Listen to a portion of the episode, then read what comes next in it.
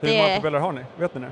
Det är hemligt. Det Är det avslöjar hemligt man inte. Det är Det är jättehemligt. väldigt ja. hemligt. Eh, Jaha. vad, vad är mer hemligt då? Alltså ni, ni Ja, försöker dölja nu- vilken propeller ni väljer också. Är det så att ni har liksom en plast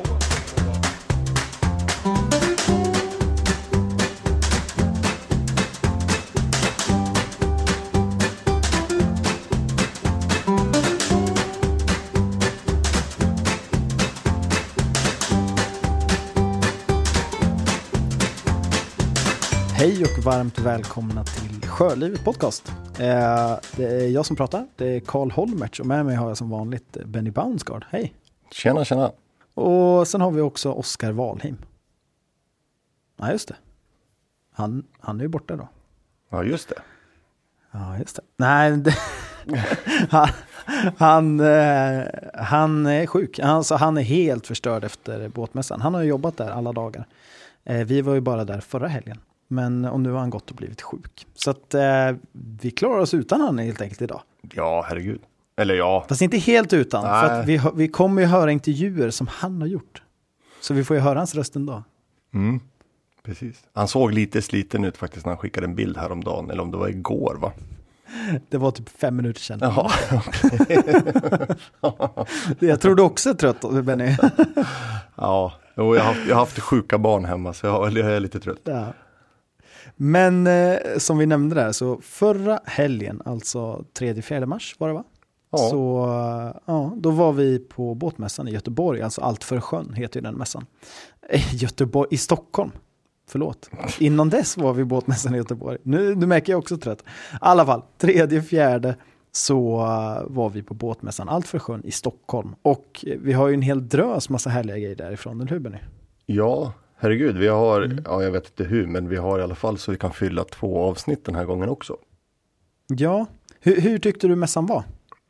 Eh, jag måste nog säga att den, den var definitivt bättre än Göteborg.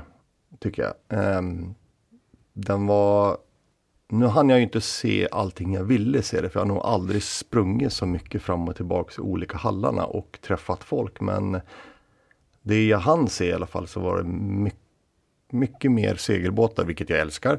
Men eh, Ja, men jag tyckte det var ett bättre upplägg. Det är kanske för att jag känner mig mer bekant med Stockholms eh, än Göteborgsmässan. Men ja, Mm. det var lite bättre. Själv då? Jo, men jag håller med. Alltså den var ju mycket bättre än i Göteborg tycker jag. Ehm, som du nämnde där, vi, vi hann ju inte se allt vi ville se för vi träffade ju så extremt mycket folk, vilket är skitkul. Men eh, alltså det var ju mer segelbåtar, det var ju Najad var där, Halberassi, Arcona, Moore var ju där igen och så vidare. Massor med stora båtar, eh, vilket jag tycker var jätte- jättekul. Och sen så var det även stora motorbåtar, alltså stora motorbåtar. Eh, och de, några kommer vi höra från idag på den här, i den här podcasten, i det här avsnittet. Sen var det även snabba motorbåtar. Alltså det var ju, Ja, alltså- ja men typ, typ den där Nortec-båten, vad heter den? Nortec 450 Sport tror jag den hette. Ja, men alltså det var ju, den var ju, alltså den, den var ju grotesk. Alltså det var ju som någon sa, sån här Foppa slängde i sjön båt. Alltså det var ju, vad var det? Fem stycken eh, Mercury 400 hästars motorer på den och ja, men den var ju brutalt stor. Ja, men det, jag tänkte på det, för det, det är ju någon mack, vilken nu kedja det är, som har börjat med en sån här håll käften-burgare kallar de det. Ja, alltså menar att den ska vara riktigt maffig. Och då, det här var ju en riktig håll käften-Foppa-båt. Ja, definitivt. Eh, lite grann. Eh, så, ja, men den var, vi var ju i och för sig inte inne och tittade den. Eh, men den var intressant ändå att kika på utifrån. Och, eh, men men det, ja, det där kanske inte tilltalar mig i alla fall. Eh, hur känner du? Mm, nej, alltså generellt så är motorbåtar i, i alla här, nu, alltså nu, nu såg vi ju ja, två riktigt fräna motorbåtar som, eh, som var riktigt fräna, som, som jag själv tyckte var riktigt häftiga. Det var nästan som de slog eh, den här fasttracken som vi såg på Göteborgsmässan, som jag varit mer kär i.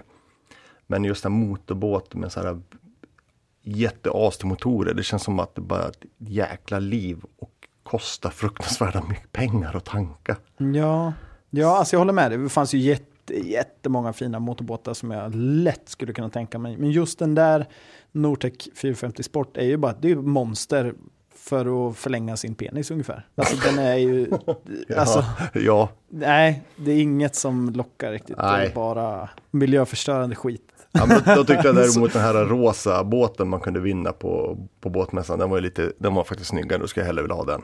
Den, den borde vi tävlat för till en Ja, jag vet. Men, Men, eh, jag tänkte vi det. vi kanske kan ringa och fråga om vi kan få vara med. eh, men sen så var det även några riktiga miljökämpar där. Eh, Mm. Trash Tiki. Ja, men de, De pratar ju du med.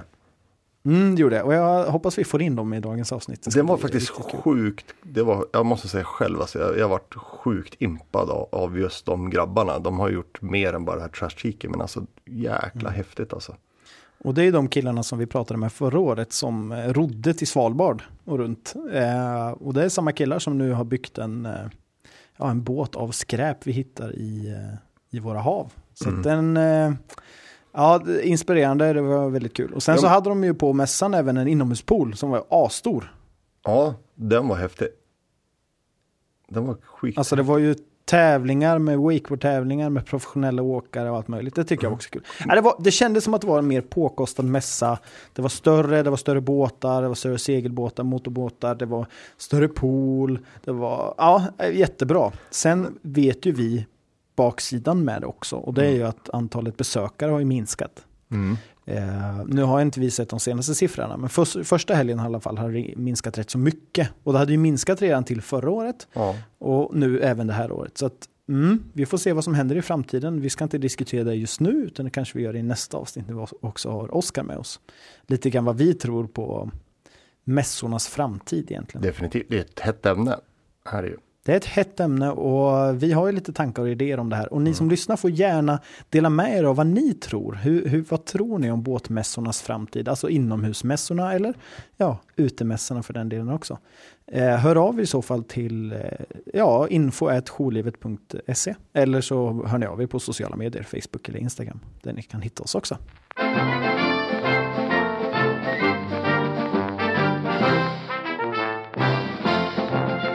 En sak Karl som jag tror du också var med på. Vi, vi har ju faktiskt gjort någonting coolt på, på det här årets mässa. Det var ju faktiskt, vi har ju faktiskt satt en klisterdekal på en eh, racerbåt.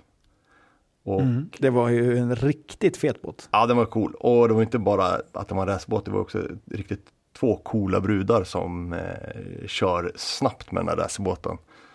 Och om jag inte minns fel så var det en sån här offshore V60-klass, tror jag att det heter faktiskt. Eh, Ja, jag för mig något sånt. Och de hette Lina och Celine, minns jag rätt då? jajamän, det var det. Ja. Och den, det filmade vi också, det har vi släppt redan på vår Youtube-kanal så man kanske har sett den intervjun redan men oavsett vad så var den ju riktigt eh, frän och de verkar ju ha duktigt med skinn på näsan de där brudarna för de har ju, de har ju vunnit SM.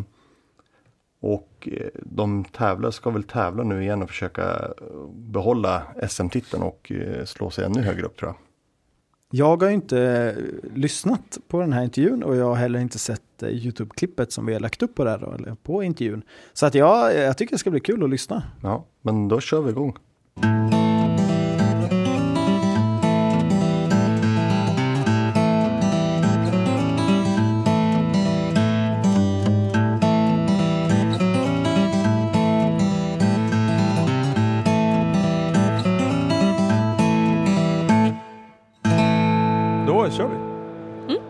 Lina och hej Celine.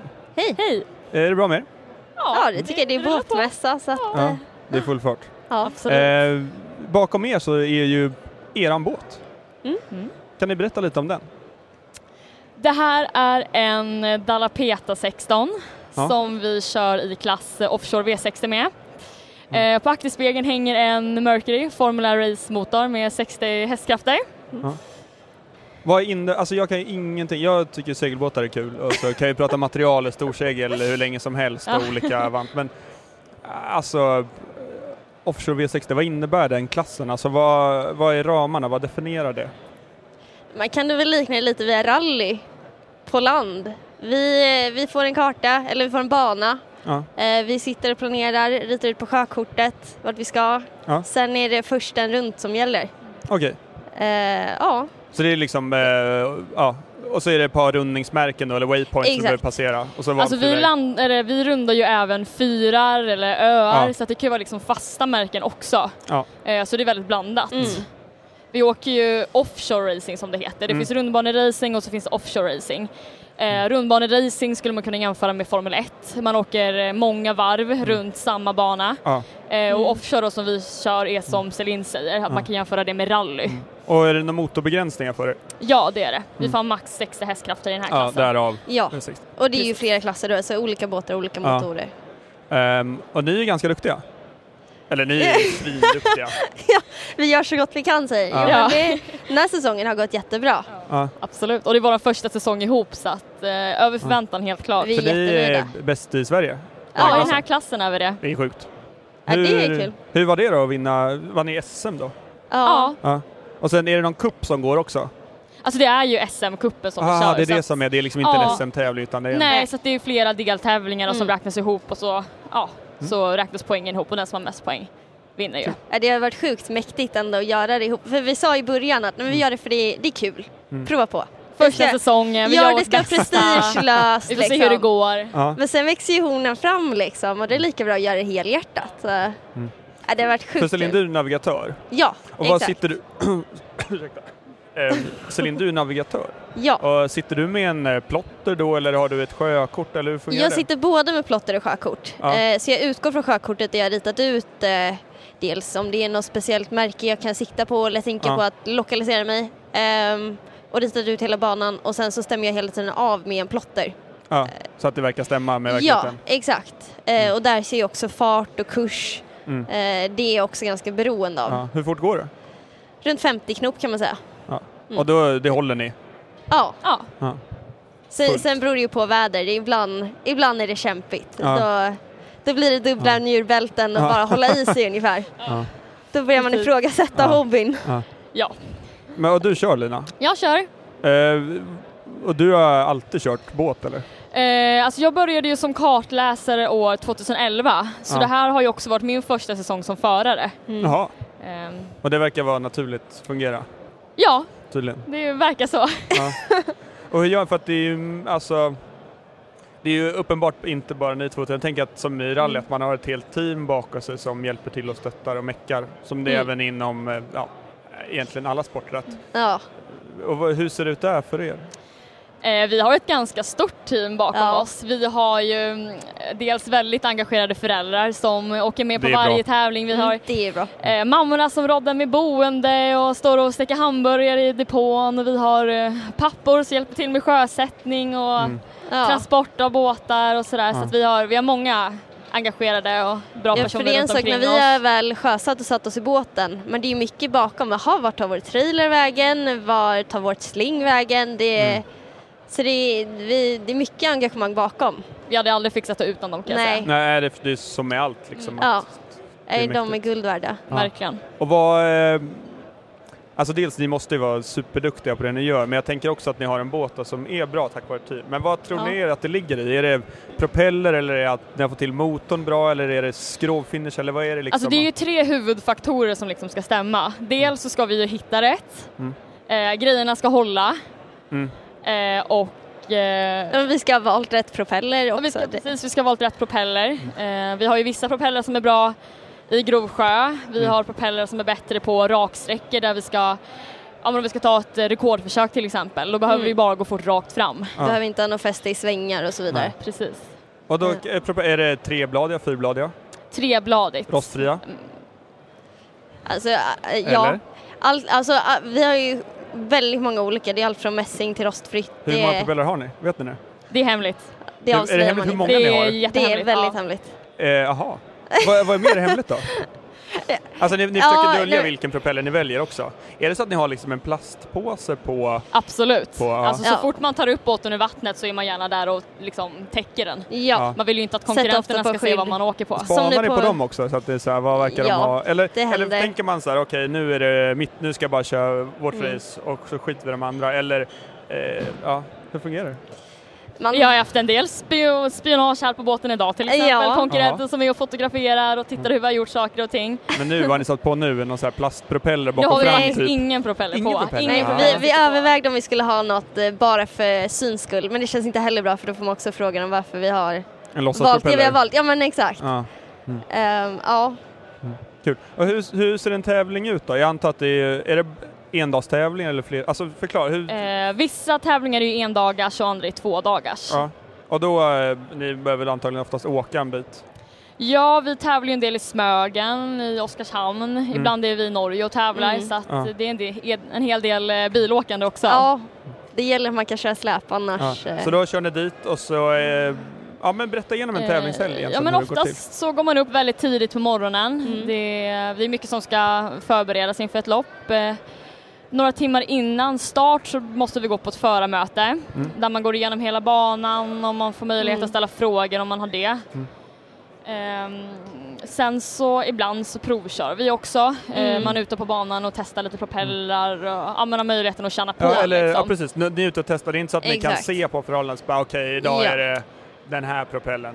Det Ja, men- kan man ju göra men sen, ja, vädret ändras ju rätt fort ute på sjön. Mm. ja. Man kan känna sig jättenöjd med sitt val och sen några timmar senare när starten går så var det helt fel för att vädret Mm. har ändrat sig. Det du och jag gör mycket är att vi går igenom banan väldigt noggrant tillsammans. Mm. Det är inte bara jag som sitter och har koll utan Lina ska känna sig hemma också. Mm. I, ja men hur tar vi den här kurvan eller ska vi gena här?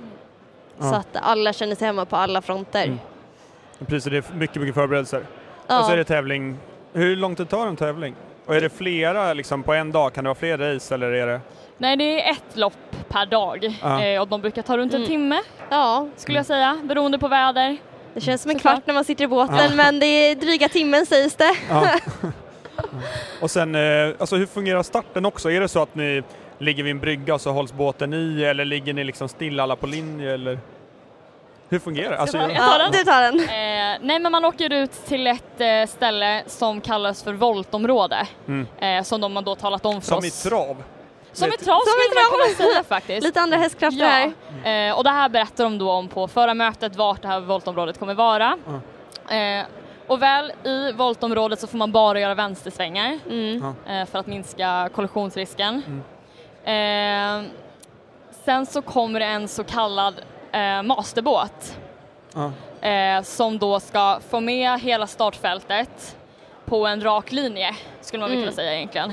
Ja, han kör ju framför oss och plockar upp oss helt enkelt. Precis. Ja, då ska alla tajma liksom? Och, Exakt. Ja. Och då Ja. håller ju då de gul flagg. Mm. Och när de tycker att nej men nu är alla båtar på en rak De börjar linje, alltså köra bortåt nu Ja. och håller flagg. Precis, då drar de upp grön flagg. Celine skriker grön flagg, kör och det är plattan i mattan. Ja, Ja. Ja. Och då är det fotgasen som är... Ja. Ja, sen är det tunnelseende för Linas del. alltså. Ja. Så det är då, minst då är vi igång. Kul. Uh, men det här var första säsongen ni körde ihop. Ja. Mm. Vad, ni körde båtracing innan? ja, jag var ju kartläsare innan då, men Mm. för Celine så är det Ja, helt nytt. Exakt. Jag har kört lite så här hobbyracing innan Ja. eh, och alltid håller på med båtar. Mm. Eh, men det här är första riktiga Hur racingsäsongen. lärde ni känna varandra? ja. Ja, alltså via, vad ska man säga, min barndomskompis är ja, ju i din pojkvän. sambo. Ja, Ja. din sambo. Eh, så Så de jag fick henne på köpet när jag fick pojkvän jag kan man fick säga. Ja. på köpet, det var jättebra. Det var det bästa Niklas har gjort. ja. Så att eh, på den vägen är det. Mm. Och våra Ja. pojkvänner måste jag bara säga, de tävlar ju också ihop. Ja.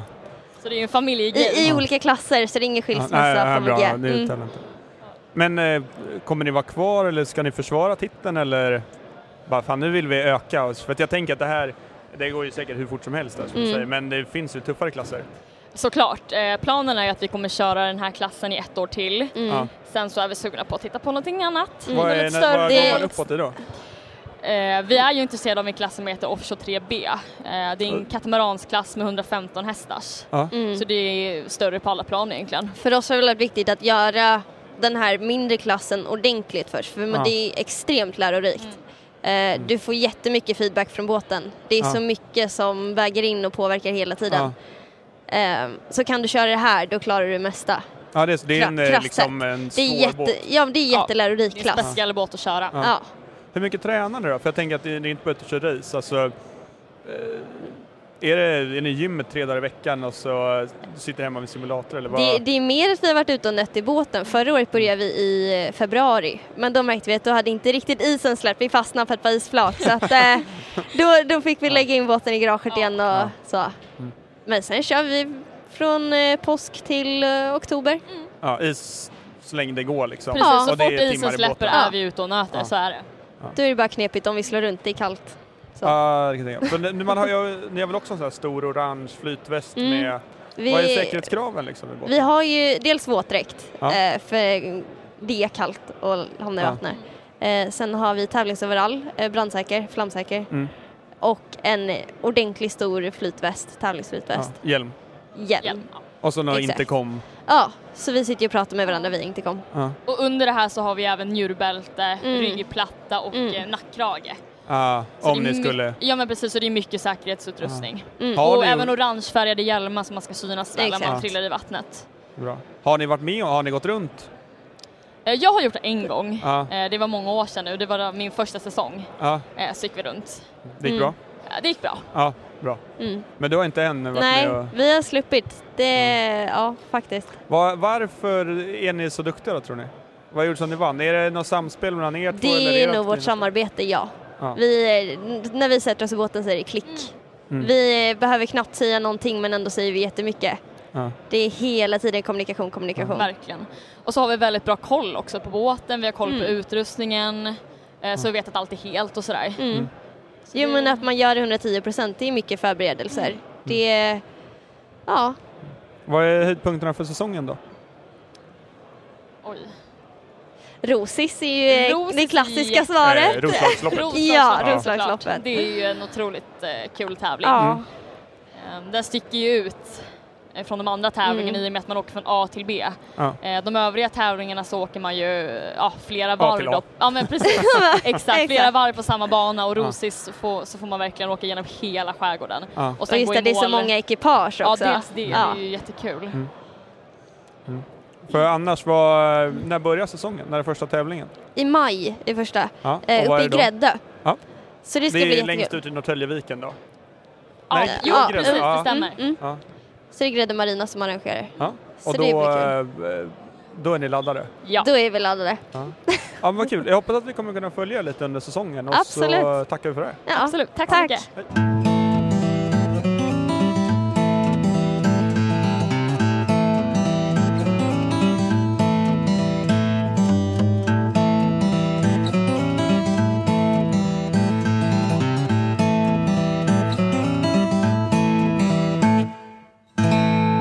hade ju en, eh, en favoritbåt ändå av de större tror jag. Mm. Kan du gissa vilken? Mm, Seafaring. Ja, alltså vilken båt. Ja, den var, den var, alltså, ja, jag är, den vill jag ha. Jag har varit sugen på att sälja allt jag äger och har och köpa en sån och ha den som boende. Jag är på, Någonstans. eller jag köper en likadan.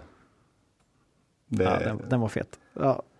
Ja, nej men alltså, Och, den, den, den var så snygg därför, alltså jag kan ju själv, alltså det, var, det, det, det roliga var, det första var, var när vi tre klev på, det var ju att jag sprang ju som ett barn i en godisbutik rätt fram till styrhytten eller styrplatsen och, och stod ju där och fantiserade mig bort. Alltså den var ju, wow vilken båt. Och det ryktas i alla fall om att vi kanske ska få provköra den i sommar. Så det hoppas vi verkligen på. Mm. Eh, men vi vågar inte lova något i förväg här. Nej. Kan väl hoppas. Ja, Eh, men det var ju Oskar som gjorde den här intervjun, eller hur? jajamän. Det var det. Ja, jag har inte heller hört den. Jag vet bara att jag, vi filmade ju samtidigt och jag hade, jag, hade jag, jag fick blackout. Jag glömde att vi filmade så jag gick runt där och ställde mig framför kameran och öppnade, öppnade diskmaskinen och allt möjligt. Ja. Det Ja, var ju du som har klippt. ja vart jag har försökt klippa bort dig men det är, vissa gånger har det inte gått. Jag tycker vi lyssnar istället. Det är ju Ja. med eh, Theo Stålberg från Marstrand Yachts på Seafaring 44.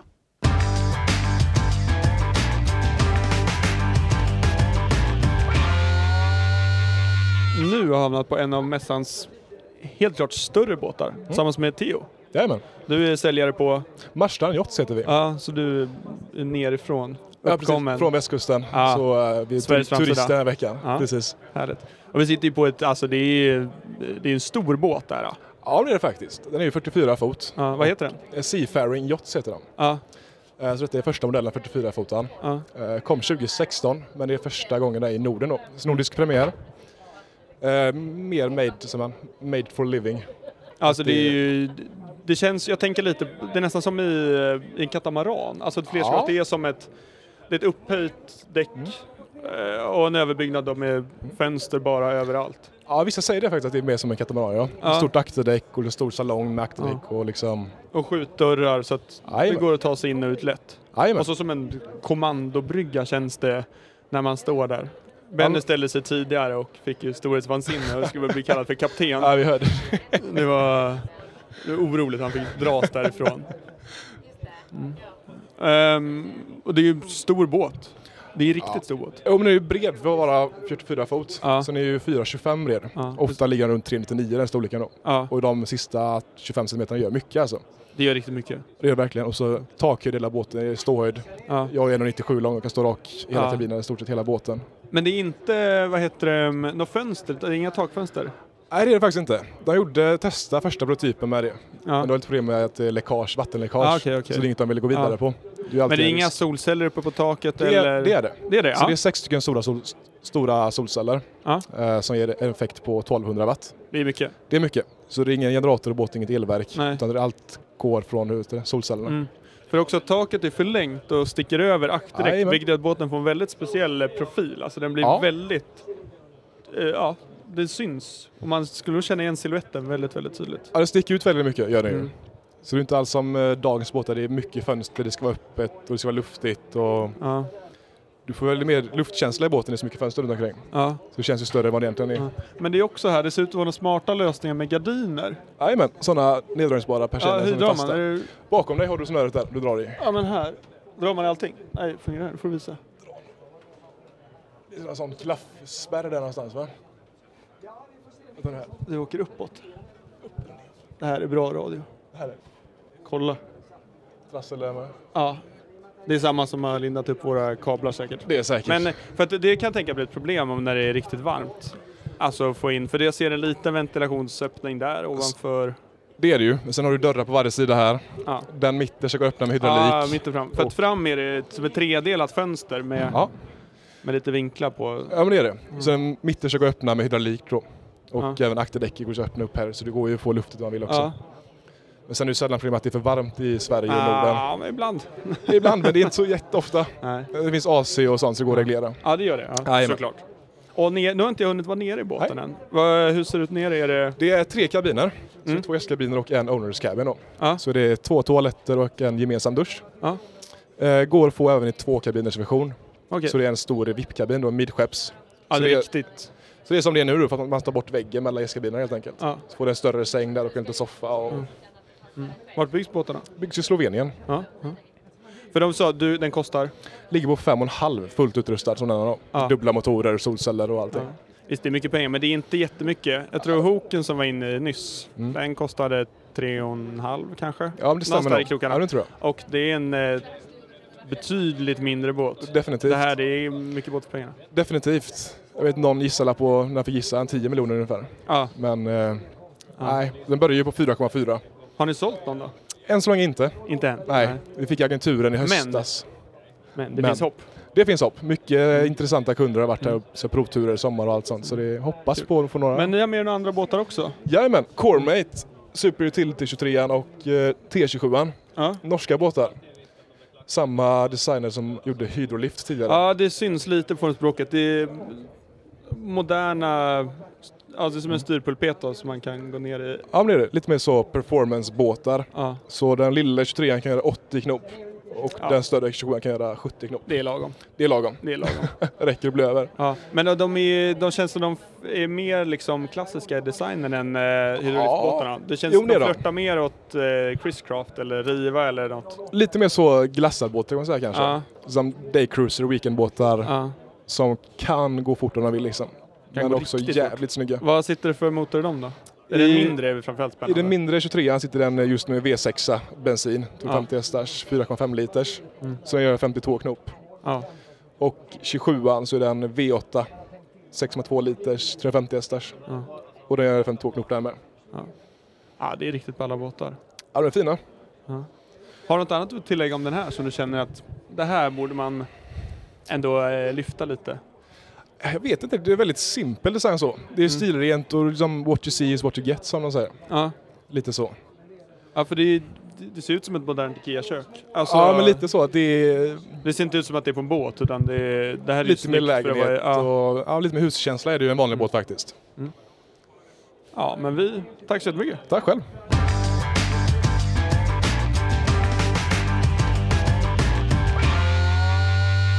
Det var ju en eh, rolig grej som hände på båtmässan och det var ju eh, när, när du och jag, vi hade fixat oss och vi skulle gå på, det var väl i alla fall mässans näst största, eller största kanske till och med, båt. Eh, och vi var lite peppade sådär, det var ju en riktig, alltså det är ju en mångmiljonsbåt, en riktigt fin båt, en stor motorbåt. Och, Rött avstängningsband Ja, vi- och ja, men det var ju ja, så, man skulle ju förboka besök och grejer. Mm. Och vi bara, "Ja, men då försökte vi få med Oscar på det där och han totalvägrade. Jag går fan, nej nu svor jag, men Ja. han sa verkligen så, jag citerar, jag går hmm, inte på en sån där båt, sa han. Och vägrade, alltså han, han totalvägrade och gick åt något annat håll, var skitsur. eh, han, han är väldigt anti sådana här typer av båtar. Men det är ju inte alla, så att vi, vi tänker att vi måste ju ändå undersöka den här och faktiskt höra om den. För att alla ska få höra om vad utbudet som finns, eller hur? Så Ja, även om herregud. kanske vägrade, så vi tog oss dit Benny, du och jag. Ja, men jag tyckte den var häftig. Ja, jag tycker det med. Den hade ju balkonger till och med på båten. Den är... Mm. Mm. Och den vi pratar om är Galleon 470 Skydeck och den var ju riktigt fet ändå. Eh, och vi pratade ju där med Peter Söderlund från PS Marin. Så eh, ja, vi lyssnar väl. Det tycker jag.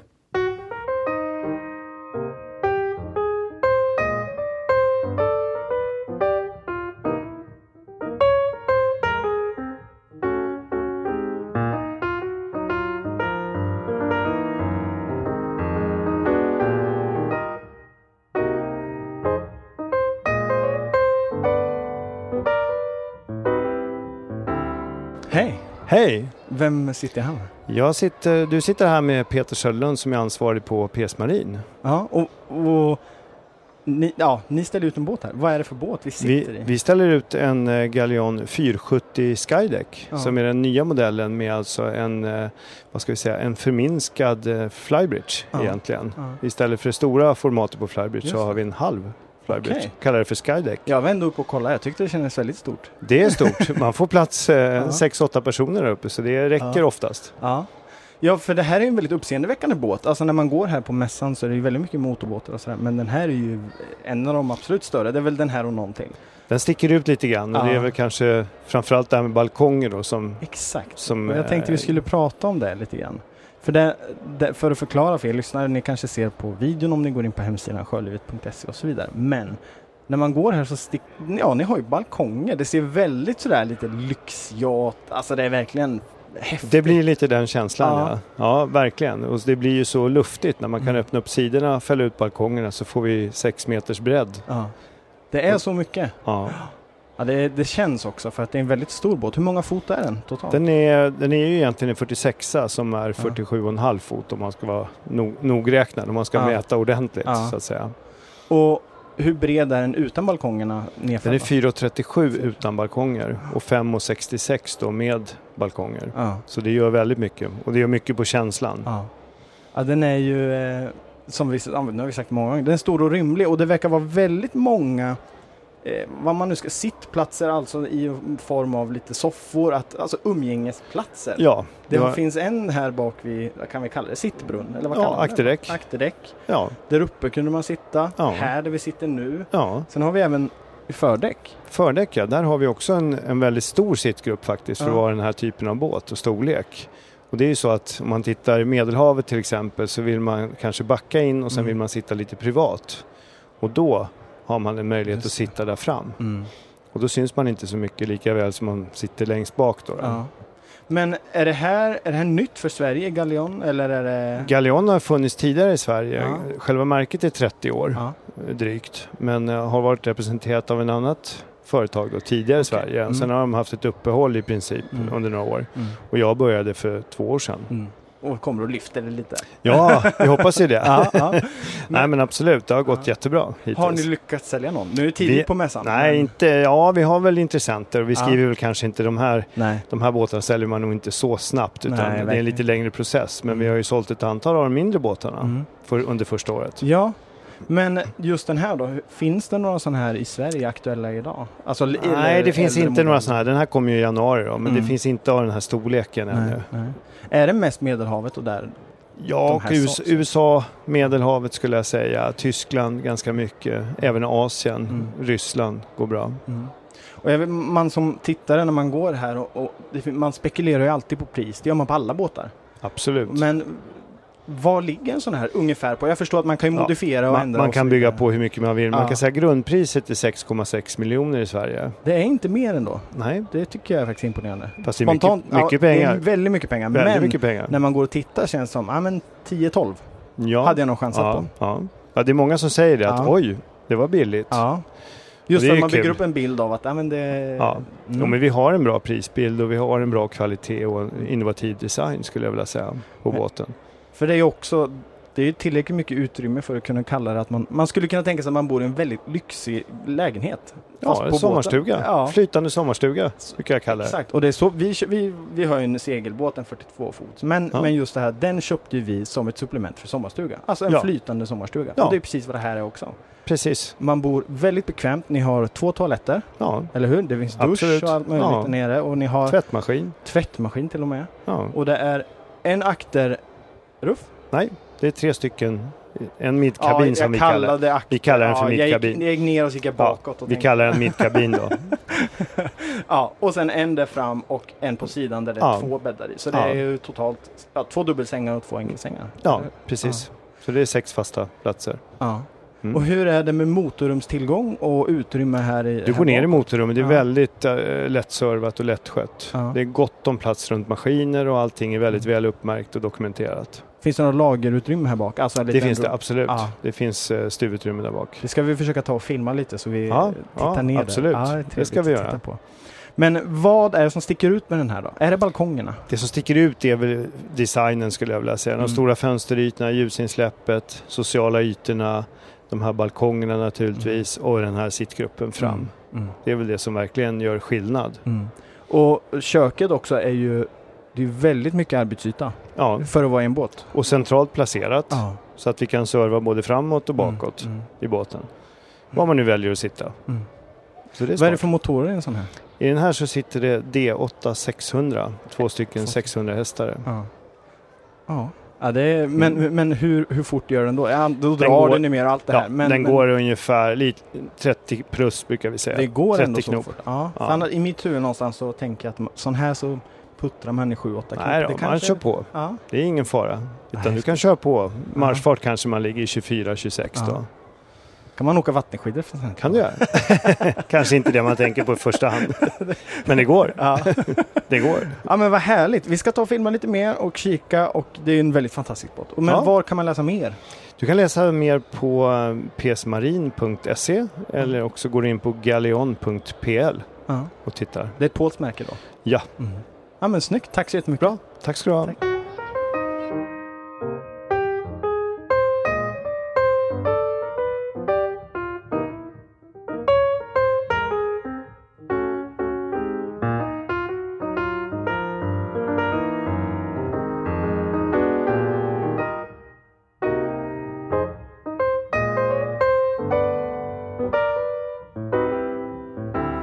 Jag har ju under flera avsnitt har jag slängt med statistiken att det är 8 miljoner ton eh, plast som släpps i våra hav världen runt varje år. Mm. Eh, vilket är en sån här siffra, alltså den är ju svår att mäta, det är svår att definiera och den kan ju, det, alltså det är mycket man inte vet eller ser och det kan ju vara gastronomiska mängder. Men nu har jag fått mer specifik eh, statistik som vi kan nog kanske mer ta på och faktiskt fatta. Eh, och då pratar jag om hur mycket skräp som släpps, eller som strandas helt enkelt, rättare sagt, på Bohusläns stränder. Alltså eh, Bohuslän, som inte har jättelång kuststräcka, så är det 8000 kubikmeter skräp varje år som, alltså som strandas. Det är sjukt. Alltså det är sinnessjukt. Alltså fatta då om, bara på, om det är så mycket på bara Bohusläns stränder. Hur, hur, alltså, det, det, det, jag, jag vet inte vad jag ska säga. Ja men det, det komiska är alltså bara här för strax efter vi kom hem från mässan, då snubblade man över något avsnitt på, på sociala medier där det är någon dykare som simmar runt bland plast. Mm. Alltså det är, Ja, jag delade ju den på Ja. vår Instagram där. det är så, Så, sjukt. Gå in och kolla på vår Instagram om ni har missat den filmen. Det är så extremt mycket plast och det, ja. Men det jag ville komma till är att då har vi, vi nämnde ju det här i början på avsnittet, det var ju Trash Tiki. Och det är alltså Glenn Matsing och Sören Källqvist som rodde runt Svalbard förra året. Och sen har de nu med sig tv-profilen Joakim Odelberg. Eh, och de bygger ju alltså en flotte, eller en segelflotte Mm. av skräp och plast som de har hittat i haven. Eh, eller i havet, det är väl i Östersjön och västkusten. Mm. Eh, och det är mycket plast som de då använder sig och de ska segla den här över till Almedalsveckan och kort och gott trasha Almedalsveckan. Så att, eh, och det här gör de ju med syfte för att eh, belysa det här problemet som vi har då. Men eh, jag ska inte säga för mycket utan vi kan väl lyssna på dem.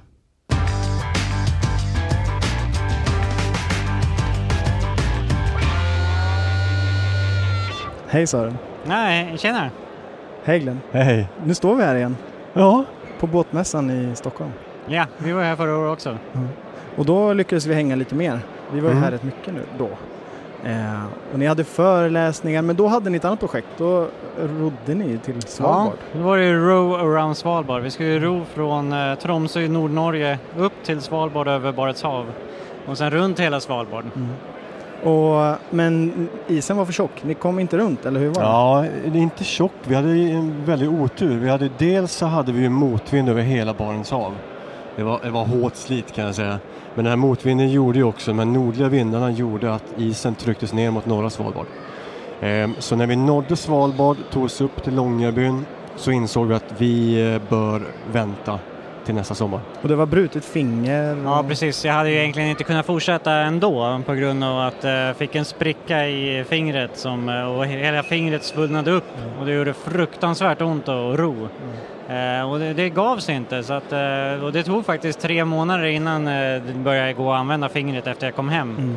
Så att det hade inte gått att fortsätta med det fingret Mm. heller. Det förstår jag. Men, men vad som hände sen, två veckor efter vi lämnade Svalbard, det var att det öppnade upp sig. Och det har varit i princip öppet sedan dess, hela vintern. Mm. Men ni ska tillbaka dit Ja, och fortsätta? augusti, troligtvis. Ja, så... Hur känns det då? ta sig- Ska ni tillbaka eller ska ni bara ta er runt? Nej men båten är i Långebyn, vi tog upp den. Ja. Så den Ja. ligger på land där. Ja, Eh, Så vi tar oss tillbaka till Långebyn och så fortsätter vi rutten som vi tänkt. ja. Mm. ja häftigt. Men nu står ni med något annat. Ni är ju äventyrare in i själen båda två. Och nu har ni fått för er att göra något annat halvgalet. Mm. Ja, vi har ju lite tid över så att eh, vi tänkte bygga en, en eh, flotte av skräp som vi döper till Trash Tiki. Kontiki-referensen, är- Ja. den, den gillar jag. Mm. Ja. Och det här är då, det vi ser framför oss är ju eh, en blandning av spöknät från eh, Östersjöns botten. Mm. Eh, vi har eh, plastdunkar från eh, Bohuslän som, som strandstäderna har samlat ihop och gett oss. Och sen eh, gallret som vi ser, det där är eh, sånt som de har kastat på återvinningen här. Som utgör någon slags stomme. Och sen har vi fått ett segel som är gamla stuvbitar som en segelmakare har gjort åt oss. Mm. Och sen har ni tält mitt på. Ja, vi tänkte vi ska ha någonstans att sova och krypa in och vila oss. Eh, Det kan ju bli mycket eh, vågor och det kan bli ganska blött och det är skönt att komma in och få något torrt ställe och, och spendera tiden på när man ska vila. Men jag tror det är många lyssnare som undrar nu, men de bygger en skräpbåt. Jaha, men vad ska de göra med den? Ja, vad ska man göra med en skräpbåt egentligen? Ja, men vi har ju tänkt att vi ska, vi ska försöka slå igenom det massiva Almedalsbruset i sommar och då såklart lyfta frågan om marin nedskräpning. Genom att segla från Oskarshamn till Visby och Almedal. Så ni trashar Almedalsveckan? Ja, Kan man Det nästan säga. säga. Jag tycker det var lite... Det kommer bli en väldigt häftig känsla när vi glider in med den här skräpflotten in i eh, Visby hamn. Ja. Och sen ska vi lyfta upp eh, flotten till Håll Sverige Rents monter och så ska vi stå där och berätta om, eh, om skräpet längs med Sveriges kuster och hur vi har byggt den här flotten. Mm. Och det är även ett samarbete som vi gör tillsammans med Naturskyddsföreningen där vi då sprider kunskap om skräpet i, Mm. i, i och längs med Sveriges kust och i Mm. Östersjön. Har ni inte någon mer partner? Nej? Sen har vi ju kommersiella partner, det är våra organisationer som, vi, Ja, som då jobbar med de här frågorna. Ja. Ehm, Och det är Naturskyddsföreningen och Naturskyddsföreningen Håll Sverige Rent, ja Mm. precis. Så de, de gillar idén. Vem gör inte det? Den är ju fantastisk. Ja. Nu är den ju inte klar än, det är en hel del kvar. Vi bygger den ju nu under själva mässan. Mm. Hur, hur många dagar har ni kvar på den, uppskattar ni? Två. Ja, skulle gissa två dagar så. Mm. Sen kommer den vara klar och stå här för... eh, Jajamän, allmän beskådning. Mm. Mm. Sen eh, kommer det här eh, intressanta med att lyfta ner den i vattnet och se vad den har för egenskaper. Mm. Hur fort går den? Hur bra flyter den? Hur högt ovanför vattenytan befinner vi oss? Hur beter den sig i vågor? Så att det är massor med svar som vi måste ta reda på nu. Så vi är inte, vi är inte klara nu med att vi har, i och med att vi har byggt den. Ja, Det som är bra med, med mässan här, vi har ju Sveriges samlade kompetens eh, inom båtvärlden så jag tror vi ska konsultera några gamla rävar också för att ta Ja. en titt på den. Men för den här resan tar hur många dagar? Fyra dygn skulle jag gissa, där någonstans. Och av erfarenhet så vet jag att det kan ju brassa på rätt så rejält den sträckan. Eh, ha, hur, vad är era förhoppningar då med prestandan för den?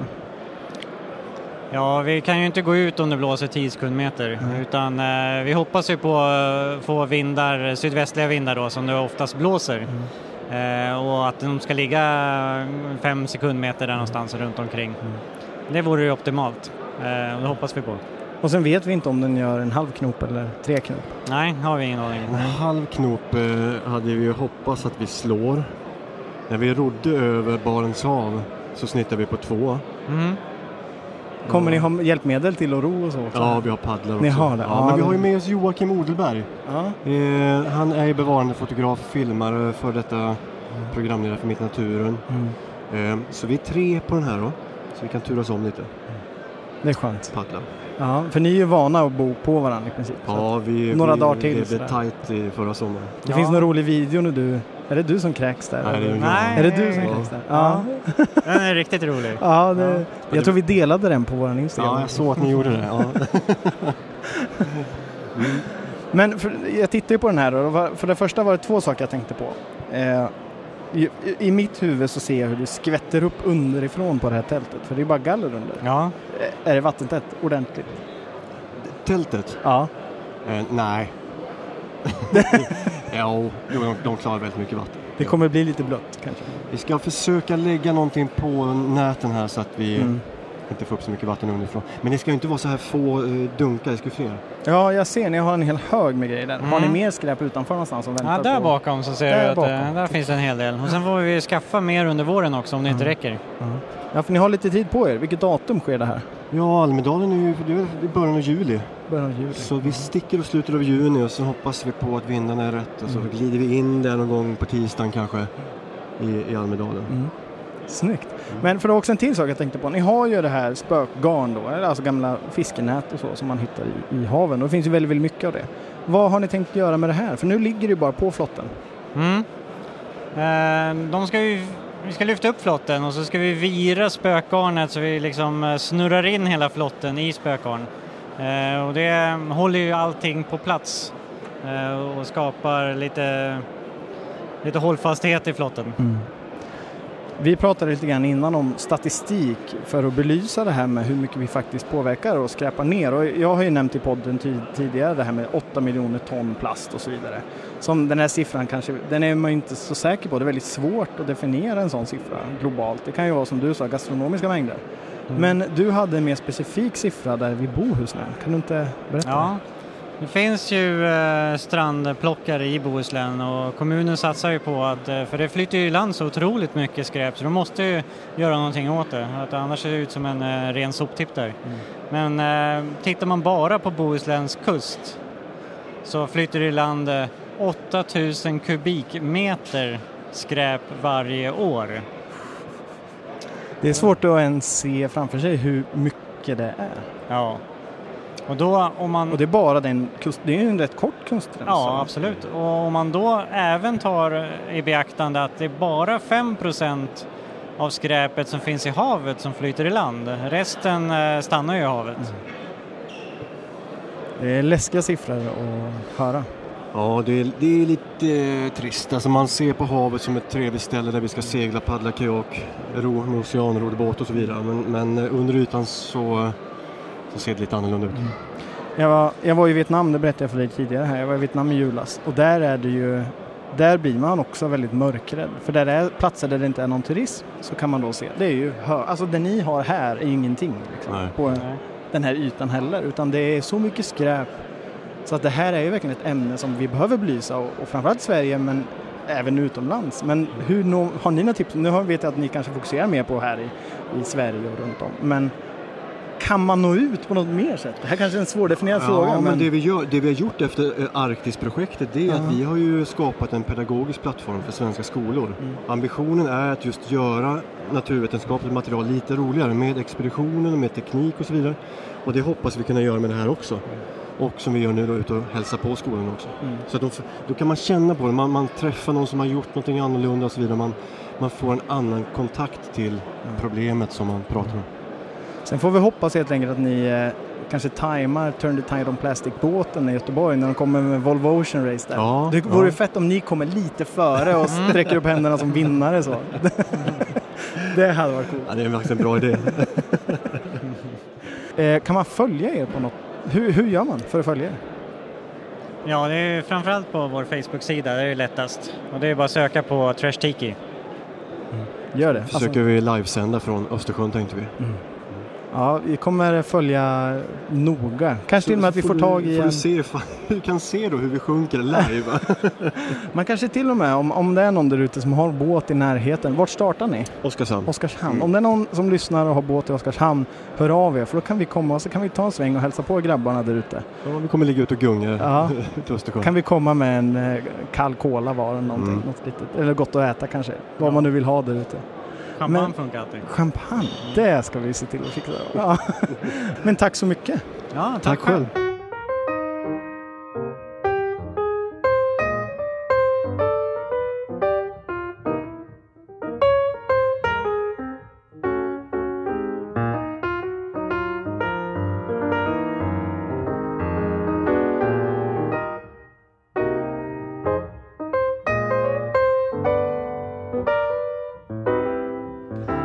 vet du vad Hansalinan är för någonting?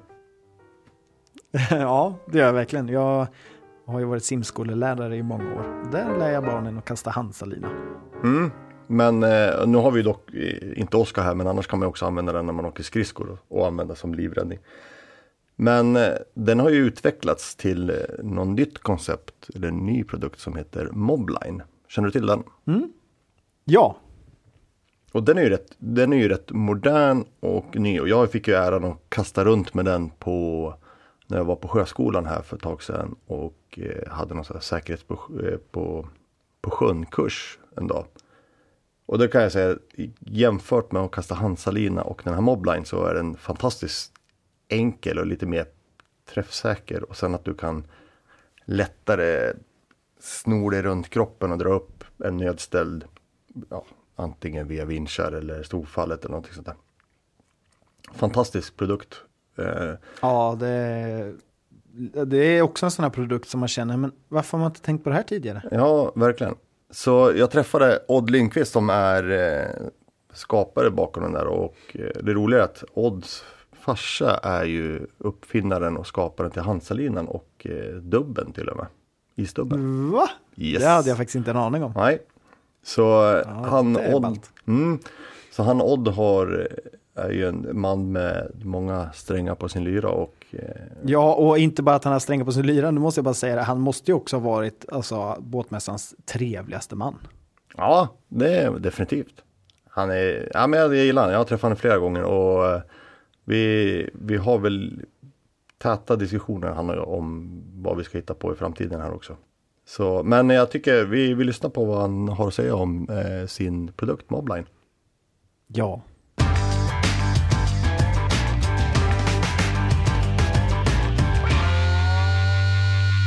Hej Odd! Eh, vi sitter ju här på Stockholmsmässan i Allt för sjön och jag har ju då fått äran att träffa dig och du får gärna berätta lite om vem, vem du är och vad du gör här på mässan. Ja, här på mässan står jag i en egen monter med en produkt som heter Mob Rescue Line. Uh, och ja, vem är jag? Uh, jag har havskappseglat väldigt mycket, varit engagerad i segling på väldigt många olika sätt. Konstruerade första 2.4 till exempel och optimerade många båtar och så. Uh, men det andra benet är då säkerhetsbenet. Ja, man kan väl säga att jag har fått säkerheten i generna. För min pappa Lars-Håkan Lindqvist, han Eh, kom först på att isdubbar ska inte ligga in under vattenytan utan de ska hänga upp runt halsen och det blev Hansadubben. Och när Tugg Hansa tyckte det var bra så frågade han finns det något mer? Ja, det finns Hansa-linan potentiellt. eh, och eh, den har ju blivit en otrolig succé. Alltså, vi satt och räknade på att den kanske har sålt i 250 000 exemplar och sen kom alla kopiorna. Oj. Ehm, men sen så var det så att 2002 så ringde jag hem till pappa efter Gotland runt och sa att eh, jag har eh, vunnit Gotland runt totalt, men jag kan inte fira för det är en eh, finne som har drunknat där ute på kappseglingen. Och då sa pappa att ja, men du vet inte det här Odd, men det finns, i byrålådan så finns det en vidareutveckling som gör att man faktiskt med en vidareutvecklad handsalina även kan lyfta upp en person ur vattnet. Någonting som egentligen inte något hjälpmedel har kunnat adressera. Mm. Utan antingen kastar man en livboj och har man tur så träffar den. Mm. Uh, så kanske personen kan flyta på den. Men sen då? Och sen kan man kasta en handsalina och det är ju jätte, jättebra. Men man har hela det svåra momentet att få upp personen kvar. Eh, så att eh, det här eh, utvecklade vi och så hittade vi olika parter som sen tog den till marknaden.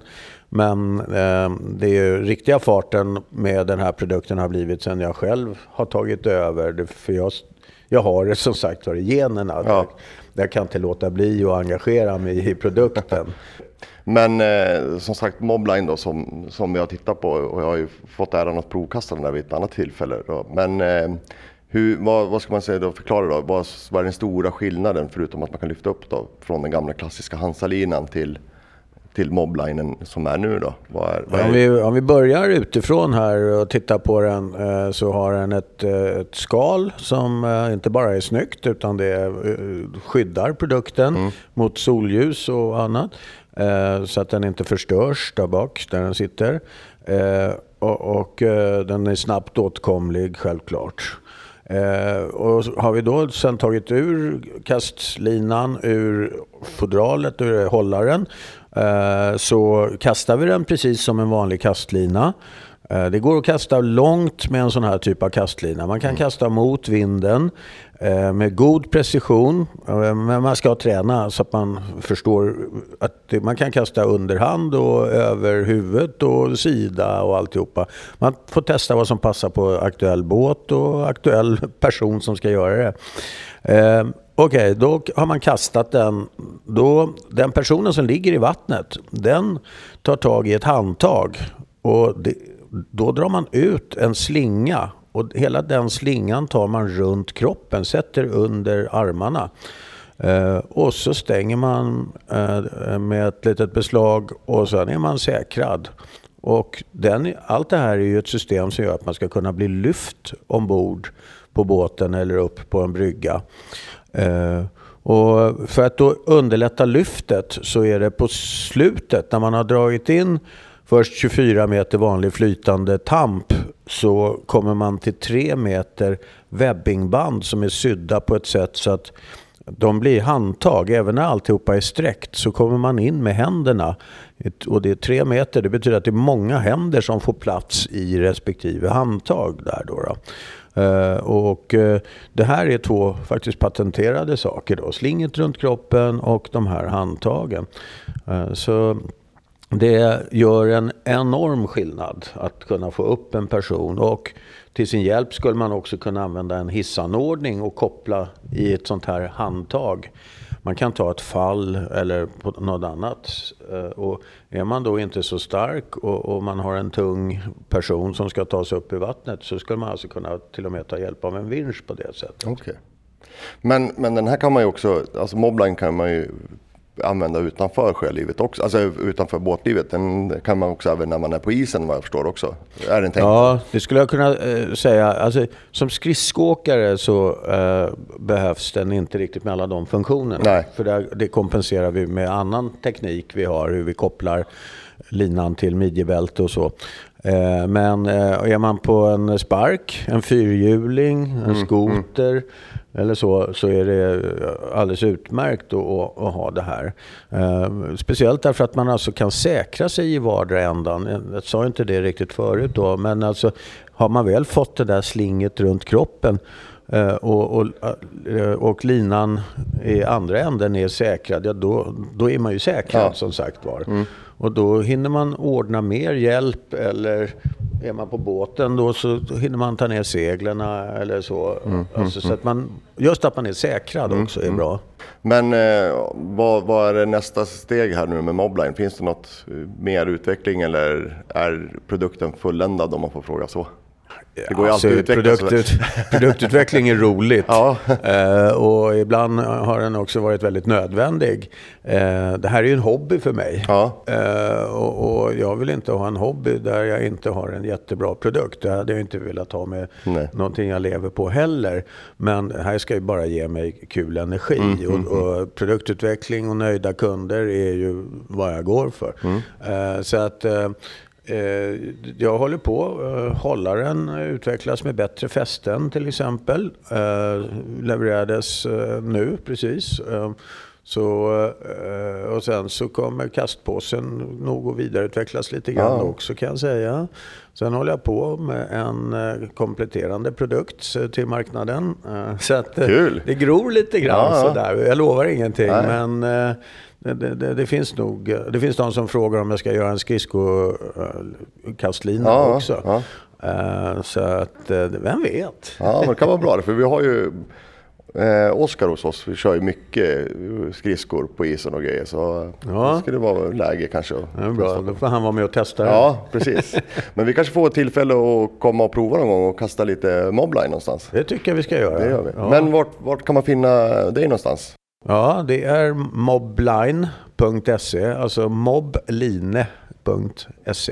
Toppen, men jag tackar för dig. Tack så mycket. Tack. Tack.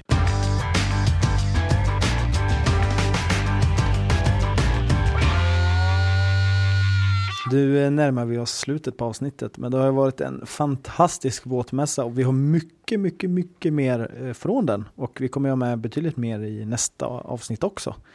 Eh, vilket jag ser fram emot Benny. Ja, alltså det kommer ju hända en hel del nya saker. Vi kommer ju satsa mer på vår YouTube-kanal som vi ska försöka liva upp lite mer med intressanta klipp. Och försöka vara mer på mer event eller händelser runt omkring som vi ja, försöker ta oss till. Mm. Det ska bli riktigt ballt. Och sen så över några öl där, om vi ska vara helt ärliga, så har vi även en, en plan vi vill testa.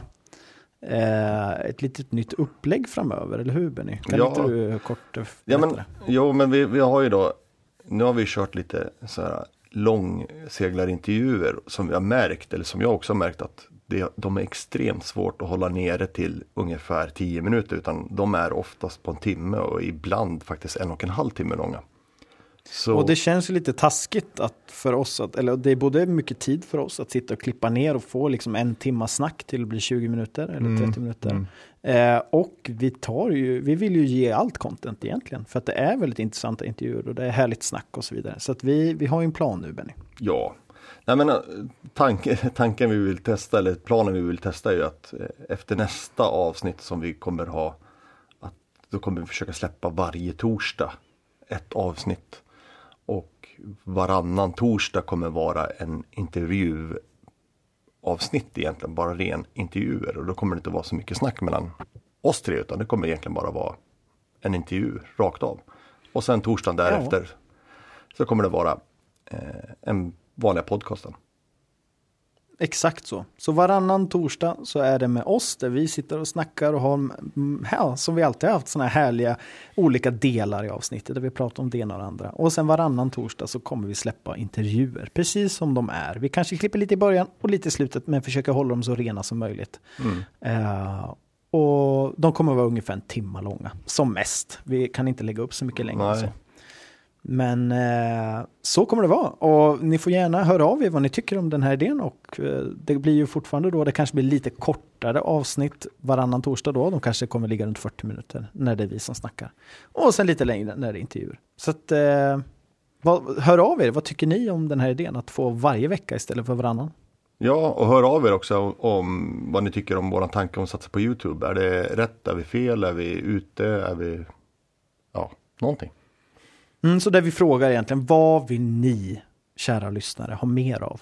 Vad, vad, hur skulle ni vilja lägga upp där om ni fick vara med och tycka? Så hör av er till info.jourlivet.se eller skriv till oss på sociala medier, på Facebook eller Instagram.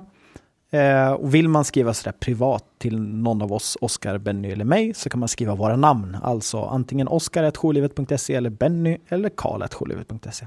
Så kommer ni direkt till oss. Eh, men det var väl allt för den här veckan. Ja, det tror jag va. Mm. Oskar får vi hoppas att han kryar på sig och eh, vi får väl säga så här på återseende. På återseende. Hej då!